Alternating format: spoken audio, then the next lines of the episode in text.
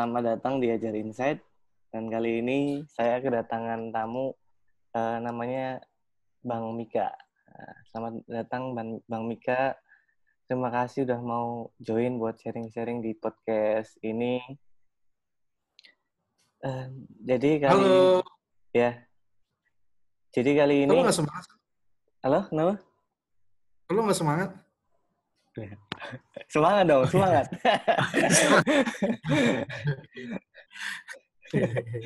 Jadi kali ini kita bakal ngobrolin eh, tentang kaitannya public policy kali ya. Nah, Bang Mika ini kebetulan dia itu lulusan Master of Science in Public Policy di mana Bang Mik? Di Carnegie Mellon University. Oh iya, di US ya. Di Heinz. Iya, Ah, di Amerika. Serikat. Enso. Fancy banget namanya nih.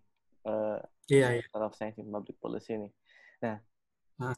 di sini kita bakal eh, coba sharing-sharing eh, apa sih Hmm. yang dipelajarin eh, di mata kuliah Bang Mika di perkuliahannya Bang Mika yang terkait public policy dan mungkin gimana implementasinya buat eh, pemerintah mungkin kalau di sektor pemerintahan di public sector.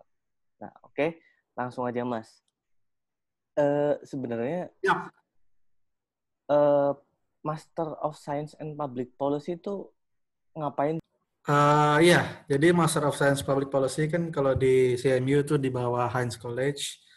Dan dia eh, memang fokusnya tuh ke penggunaan data ya, penggunaan data eh, dari pengolahannya, pemanfaatannya, pengumpulannya untuk eh, membuat keputusan dalam eh, ruang publik atau polisi-polisi dalam ruang publik dan termasuk dalam manajemen di baik di non NGO atau di pemerintahan atau di swasta.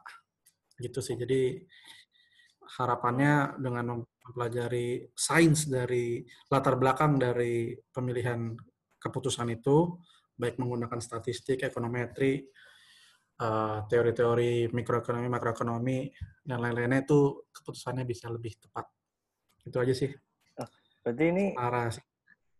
belajarnya kayak lebih ke data driven gitu ya, Mas? Ya, Bang Mik.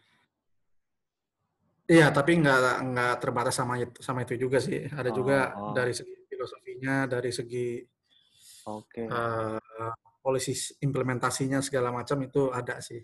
Eh, tapi memang eh, karena Carnegie Mellon juga eh, terkenal di bidang IT-nya, termasuk eh, keamanan. Jadi di MSPPM juga ada opsi untuk mempelajari itu semua Ah. dalam kaitannya dengan public policy ya. Oke. Mm-mm. Eh, Bang Mik, ini kan eh, ngobrol eh, ini Bang Mik kan kuliahnya di mas gelarnya Master of Science nih in Public Policy. Iya. Nah, Iya. setahu saya tuh ada namanya Master of Public Administration atau Master of Public Policy. Bedanya apa sih Bang Mik? Kayaknya itu tergantung dari kampus masing-masing deh, karena Oh. penekanan dari kampusnya itu untuk public policy-nya ke mana. Kalau untuk eh, di CMU, eh, memang fokusnya ke sains datanya, ke Em, ya penggunaan data, statistik dari eh, teori analitiknya ya. berarti Untuk, sebenarnya se- sebenarnya sama, Bang. Ada beberapa hal yang sama, ada yang bersinggungan, ada yang apa ruang lingkupnya sama, apalagi untuk yang teori-teori policy ya, misalnya kayak polisi cara polisi implementasi di masyarakat, terus Oh, oke oke. uh, yang dibahas juga kan uh, interna- ada politik internasional, ada politik uh, Oh. nasional masing-masing itu. Jadi mungkin kalau MP, MPA juga tergantung juga dari masing-masing kampusnya itu uh, titik beratnya ke mana. Di sana nggak ada Tapi MBA, Bang? Eh, MBA-nya nggak ada. Nggak ada ya? Public policy-nya ini untuk MSc. Jadi ada MBA di bawah Eh, Taper, oh, ya, Taper ya. sedangkan untuk public policy di bawah Heinz, ada yang MSPPM, Master of Science in Public Policy and Management, ada juga uh, MISM, Master of Information Security Management, itu di bawah Heinz juga, sama ada beberapa lagi sih. Ah, Bang Mik, uh, kalau misalnya, hmm? aku kan tahu lah beberapa dikit, itu ada MBA itu Master of Business Administration lah, ibaratnya private buat private-nya lah. Uh, ada dikasih eh ada dia spesifik spesialisasinya kayak dia marketing, hmm. strategic manajemennya. Nah kalau di tempat Bang Mik sendiri uh, buat public policy ini ada spesialisasinya nggak? Ada ada uh, beberapa spesialisasi sebenarnya kan MSPPM itu salah satu spesialisasi juga dari hmm. Heinz College. Heinz College itu college yang uh, mengenai mas masalah public policy. Okay. Karena ada tiga situ kan, sistem informasi, public policy, sama dari manajemennya. Oh. Jadi uh, ada beberapa sih, nu Ada master, kayak yang gue bilang tadi, MISM, Information Security oh. Management, itu untuk Kalau Bang Mik ambil yang spesialisasinya, oh PPM. Apa tuh? Mm -hmm. Sorry. Public policy. Oh, manajemen. Oh iya, iya. oke. Okay. MSPPM juga ada dua, ada yang fokus ke data analitik, ada yang uh, biasa. Kalau Bang Mik fokus ke? Hmm, aku nggak ngambil fokus dulu, nggak ngambil ini. Ada beberapa pilihan sih itu. Oh, nah Bang, hmm. uh, di MSc in Public Policy di uh, CMU, itu apa sih Bang yang iya. dipelajari yeah. di sana? Boleh, mungkin boleh diceritain gambaran secara overview-nya kali. Kalau detail dari silabusnya sih kayaknya ada ya di ah, iya. websitenya. Secara garis besar dulu oh, kan gue ngambil yang tiga semester. Mm -hmm. uh, ada beberapa yang wajib. Yang wajib itu statistik dasar, pengantar sampai uh, intermediate, terus mm-hmm. ada ekonometri, sama accountingnya juga ada dasar. Itu harus ada yang beberapa yang pilihan ya. Hmm. Gue lupa juga sih mana yang pilihan, hmm. mana yang wajib ya. Tapi dari gue sendiri yang gue ambil yang dulu yang menarik perhatian gue yaitu uh, mikro makro, mikro makro, sama mikroekonomi makroekonomi, sama public finance karena kan latar belakangnya kan di saya sendiri kan bekerja di Kementerian Keuangan. Uh -uh. Jadi ngambil public finance sama uh, policy implementation, dan ada karena latar belakang saya di IT lemah, sebenarnya ada pilihan uh-huh. antara uh, programming gitu ya kayak Python sam sampai apa penggunaan R segala macam itu aku nggak ngambil sih, tapi tersedia di di programnya. Itu aja. Kalau kalau mau lihat lebih jelasnya ada di silabusnya kayaknya di, oh, di, iya. di website udah banyak. Di websitenya ya.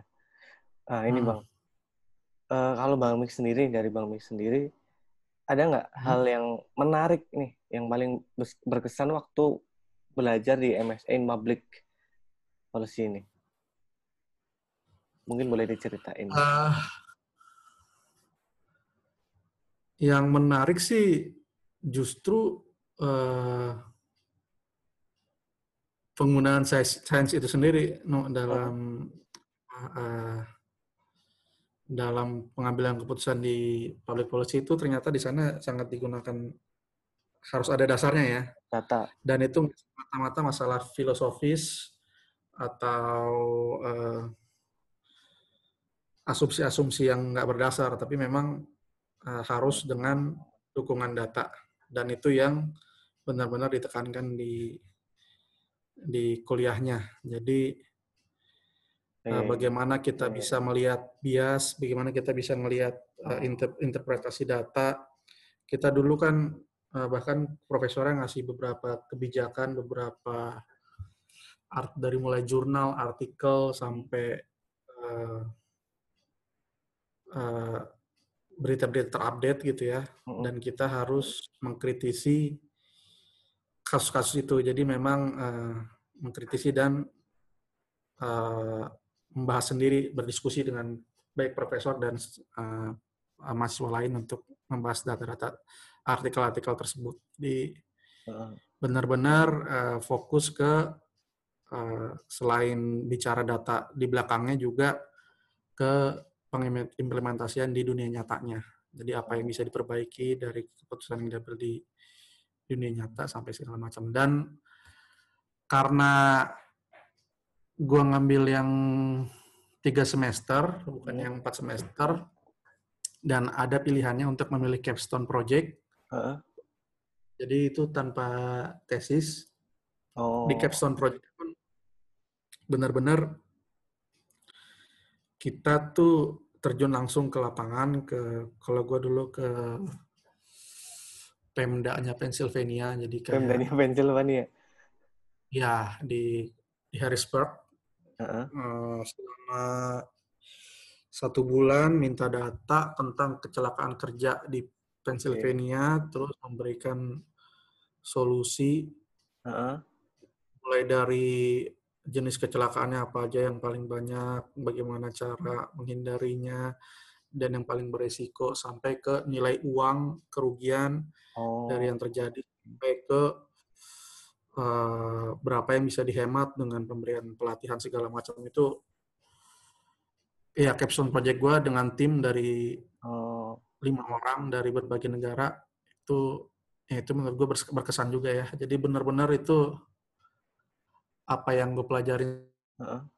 selama tiga semester gue pakai di capstone project di akhirnya itu dan hasilnya menjadi rekomendasi buat uh, pemdanya itu sendiri city council di Pennsylvania.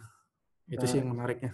Ini uh, belajar pub, uh, public policy di sana tuh kayak sebenarnya ngobrolin secara umum cara kita memanage juga kali ya mas?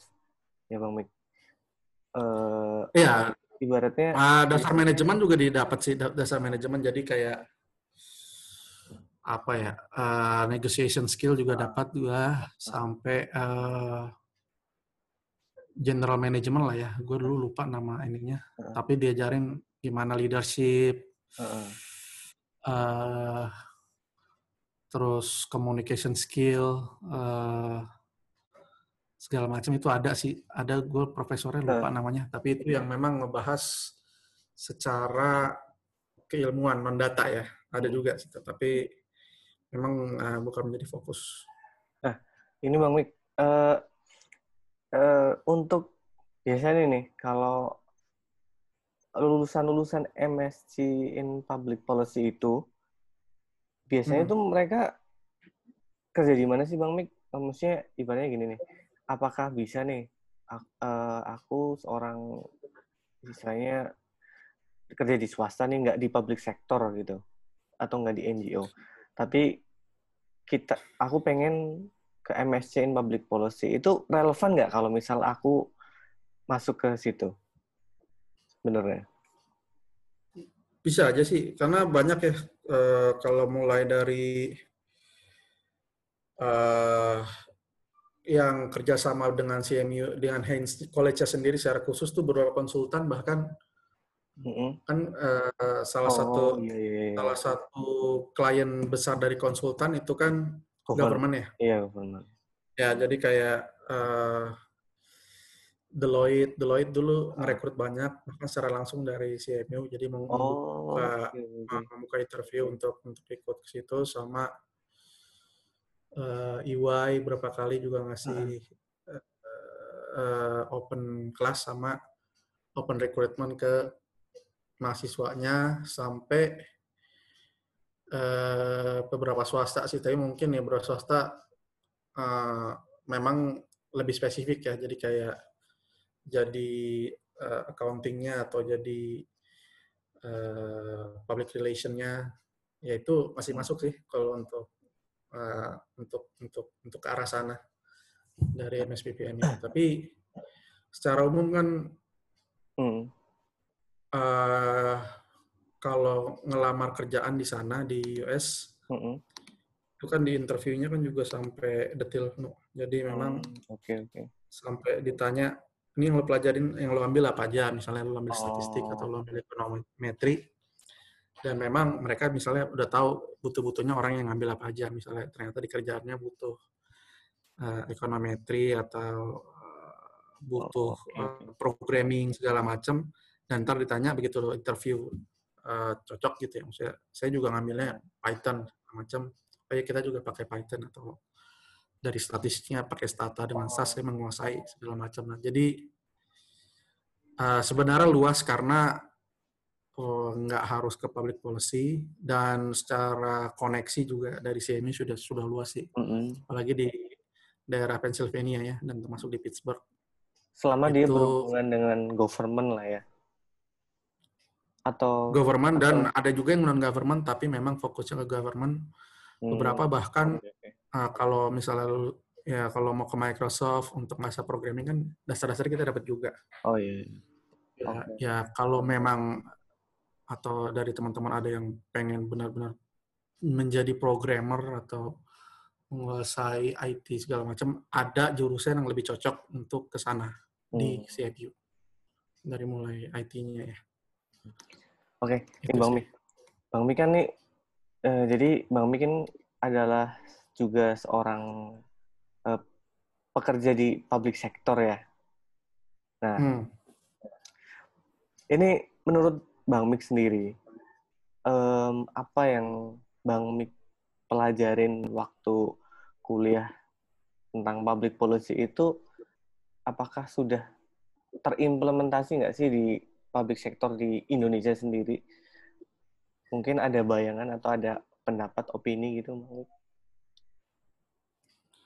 Eh, kalau ditanya eh, sekarang sih memang arahnya ke sana tapi memang belum matang ya karena kan memang Hmm, ah, udah beberapa termasuk DJP DJP kan sudah ke arah data driven ya Iya, Direktorat Jenderal. Pajak ya. ya tempat saya kerja Eh, kebetulan para pendengar sekalian saya ini kerja di Direktorat Jenderal Pajak Eh, Iya, iya. dan memang arahnya eh, arahnya ke data driven management ya jadi kayak Ah, sudah sudah policy ya? Iya, jadi polisinya udah nggak udah sudah lebih ke berbicara tentang data dan perluasannya itu pun eh, terlihat sudah mulai di mana-mana dipakai ya, apalagi Hmm. sudah banyak perusahaan online segala macam, Hmm. jadi data pun lebih mudah terkumpul dan bisa lebih mudah dimanfaatkan. Walaupun memang eh, lebih luas dari itu karena kita sendiri kan 34 provinsi di Indonesia kan belum Ah, Oke, oke. belum infrastruktur segala macam kan untuk untuk pengolahan data segala macam kan belum belum sematang negara-negara maju ya. Heeh. Tapi arahnya ke sana dan eh, secara pribadi sih eh, masih ada lah yang kepake, masih baik secara kompetensi pribadi ya. Karena saya sendiri kan nggak memang dari awal nggak Data. Eh, apa? Eh, nggak maksudnya ya nggak berbicara IT jadi nggak punya latar belakang eh, nggak punya latar belakang mendalam di IT tapi Eh, eh, memang harus kita eh, menyesuaikan lah menyesuaikan Oh. apa yang kita pelajari di sana dengan pengimplementasiannya di Indonesia Eh, jelas berbeda ketika saya membuat yang tadi saya bilang capstone project di Pennsylvania di Pittsburgh dengan pemanfaatan data di DJP yang Hmm. notabene jauh lebih besar tapi eh, ragamnya lebih banyak Oke, oke. dan eh, channel-channelnya segala macam yang perlu dibahas. Nah, Jadi harus ada harus ada apa ya kreativitas dari kita sendiri sih untuk Hmm. mengimplementasikan. Jadi nggak bisa dibilang nggak kepake juga. Oke Bang Mik. Harus Eh. harus diusahakan Mau ngobrolin soal public sector nih dan Hmm. eh, il- yang ilmu ilmunya Bang Mik udah eh, lalui di spesialisasi public sector. Ada nggak sih Bang Mik misal satu eh, semacam satu satu strategi terkait public sector atau public policy yang mungkin di sana tuh bagus nih, tapi di sini belum sempat diimplementasi atau belum belum orang pada aware. Ada nggak hal yang kayak gitu? Mungkin bagus nih kalau di public sector di tempat kita buat diimplement gitu. Tapi belum mungkin belum banyak nih orang aware. Ada nggak? Uh, banyak sih macamnya. No, kalau berbicara tentang hubungan antar badan di sana, terus juga bahkan dari regulation law-nya hmm. yang mengatur keterbukaan informasi itu dari masing-masing uh, badan ya badan badan publik itu mana saja yang diwajibkan untuk menyetor data ke badan yang lain, mana yang merupakan hak privasi orang, jadi nggak bisa dibuka, hmm. mana yang uh, menjadi informasi publik, itu kalau di sana itu regulasinya kan jelas ya. Jadi hmm. karena kan pembagian antara ranah privat dan ranah publik di sana tuh uh, cukup keras. Jadi orang tuh sangat menghargai privasi privasinya masing-masing. Tapi untuk hal-hal yang bersifat publik itu mereka bisa nuntut gitu loh kalau hmm. uh, ada suatu badan yang nggak terbuka terhadap uh, informasi publik oh. itu bisa dituntut segala macam lah. Nah dari mulai pembuatan regulasinya itu sendiri memang sudah dipikirkan pengintegrasian data untuk pelaksanaan di lapangan dan pemanfaatan data ini pun oh. sampai ke bidang-bidang kecil-kecilnya itu sudah ya sudah lebih matang lah dari kita walaupun ya, ya masih perlu beberapa yang memang disempurnakan, tapi sedikit lebih matang karena dari IRS gitu kan bisa uh, kalau IRS kan DJP-nya sana ya, iya. bisa iya. bisa mengakses akses informasi yang luas dan juga kan memang infrastruktur sana sudah lebih baik ya. Penggunaan uang uang secara digital juga semakin tinggi persentasenya. Jadi ekonomi-ekonomi gelap. Ya gitulah kalau untuk DJP ya. arahnya sih ke sana nanti harapannya bisa yang itu sih yang bisa kita, kita lihat, ya. bisa kita pelajari. Harapannya nanti saya malah pengennya sih dikirim ke DJP buat belajar di RS sana. Uh, amin amin. Semoga lah. Ini Bang Mik, iya, iya. kan di sana tuh belajarnya belajar apa namanya istilahnya policy atau public administrasi di sana ya. Iya nggak sih? uh, ibaratnya gimana mereka gimana cara negara Enggak sih bicaranya bicaranya global sih ya, enggak. Oh, global. Ah, bicaranya global, ada juga memang yang jadi ada pilihan gitu kalau salah satu pilihannya ketika gue dulu semester 2-nya apa? Ada international relationship atau national governance. Jadi kayak kalau national governance memang bahas fokus di US, hmm. dari misalnya healthcare, kebijakan healthcare, kebijakan uh, uh, militernya segala macam itu diaduk satu-satu. Tapi karena gue nggak di situ, gue disarankan mas ambil yang international international relationship lebih ke arah uh, relasi internasional, nggak nggak fokus ke satu negara. Jadi uh, penerapannya sendiri nggak tertutup di Amerika segala macam nggak lebih luas ada yang kalau memang fokus mau fokus ke Amerika bisa. Hmm. Mereka mengakomodir itu. Nah, ini Bang Mik, uh, selanjutnya nih, mungkin pertanyaan terakhir nih. Uh, kira-kira apa nih saran dari Bang Mik buat teman-teman nih yang apa ibaratnya dia masih bingung milih uh, kuliah. Misalnya uh, ada teman-teman kita nih, dia pengen ngambil yeah pengen nyoba ngambil public policy, ada saran nggak nih dari Bang Mik? Misal mungkin, oh kamu harus paling nggak kamu punya tujuan karir dulu nih sebelum kamu ngambil ini jurusan public policy atau oh mungkin kamu lebih cocoknya ini kayak gitu-gitu sih. Uh, iya, kalau mau berkutat di bidang publik ya, bidang publik itu nggak harus pemerintahan ya. Mm-hmm. Bisa di NGO, mm-hmm. di atau bahkan di swasta yang memang uh, berkaitan langsung dengan kemaslahatan orang banyak. Mm-hmm. Misalnya swastanya apalah uh, di Jaklingko, mm. di yeah, yeah, yeah. Uh, BUMD segala macam itu kan itu diajarin tuh dulu gue diajarin uh, sampai ngit ngitung ah lupa namanya tapi ngitung berapa banyak stasiun yang oh. uh, efektif ketika bicara data uh, jumlah penumpangnya berapa, uh, jumlah waktunya berapa, jumlah keretanya berapa, berapa stasiun yang pas untuk gitu-gitu tuh sampai diajarin tuh. Oh, sampai Ada detail lah ya. Uh, maksudnya uh, pengimplementasiannya sih luas ya. Hmm.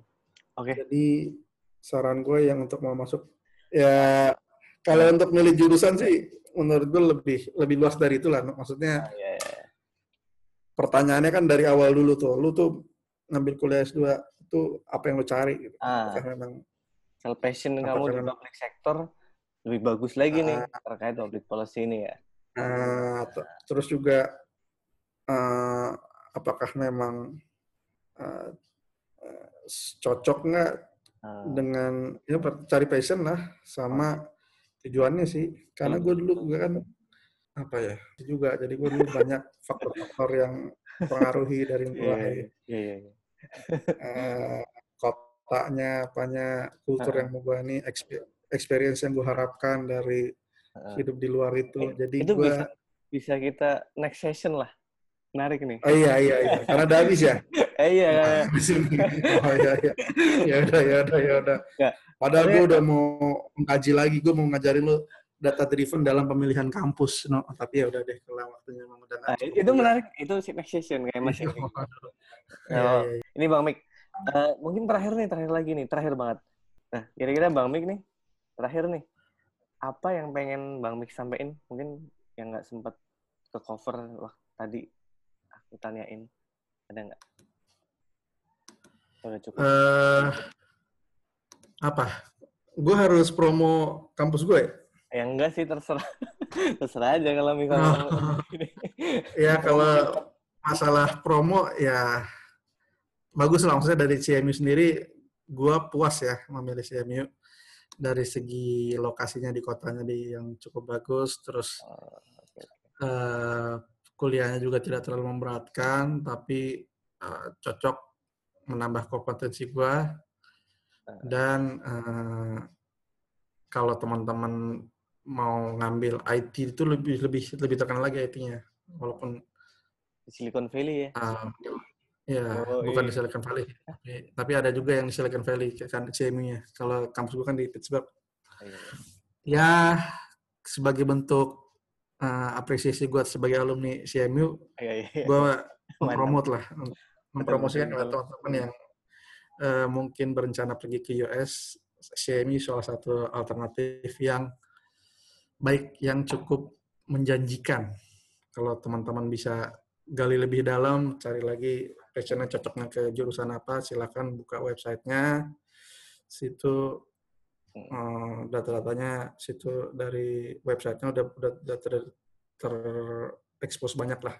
Apalagi mengenai, apalagi Andrew Mellon sama Andrew Carnegie Carnegie ya kan filantropis yeah. terbesar. Oh, iya. Jadi ya ya ya. Andrew Carnegie bahkan salah satu apa revolusioner ya dalam bidang pengolahan biji besi segala macam lah. Mantap. Akhirnya dia jadi miliuner dan dia mengembangkan kampus ini dulu Carnegie iya. Tech. Ini bisa Carnegie Mellon. Bisa kita obrolin lagi lah lain kali. Iya. Oke. Okay. Iya, jadi pilihan yang bagus kok ya level uh, rankingnya juga lumayan kerjaan eh, kuliah juga nggak terlalu stres tapi uh, lulusannya diakui sih cukup diakui lah oke okay. Uh, segitu aja ya obrolan kita malam ini siap sama bang Mika Aduh, sekali ya bisa ini bermanfaat banget ya terima kasih okay, okay, okay. Uh, buat bang Mik atas uh, kesediaannya untuk datang berbagi sharing di podcast ini Sampai ketemu Siap. lagi sama teman-teman dan mungkin kalau ada kesempatan lagi sama Bang Mik di podcast selanjutnya. Oke, okay, bye-bye. Oke, okay. iya. Yeah.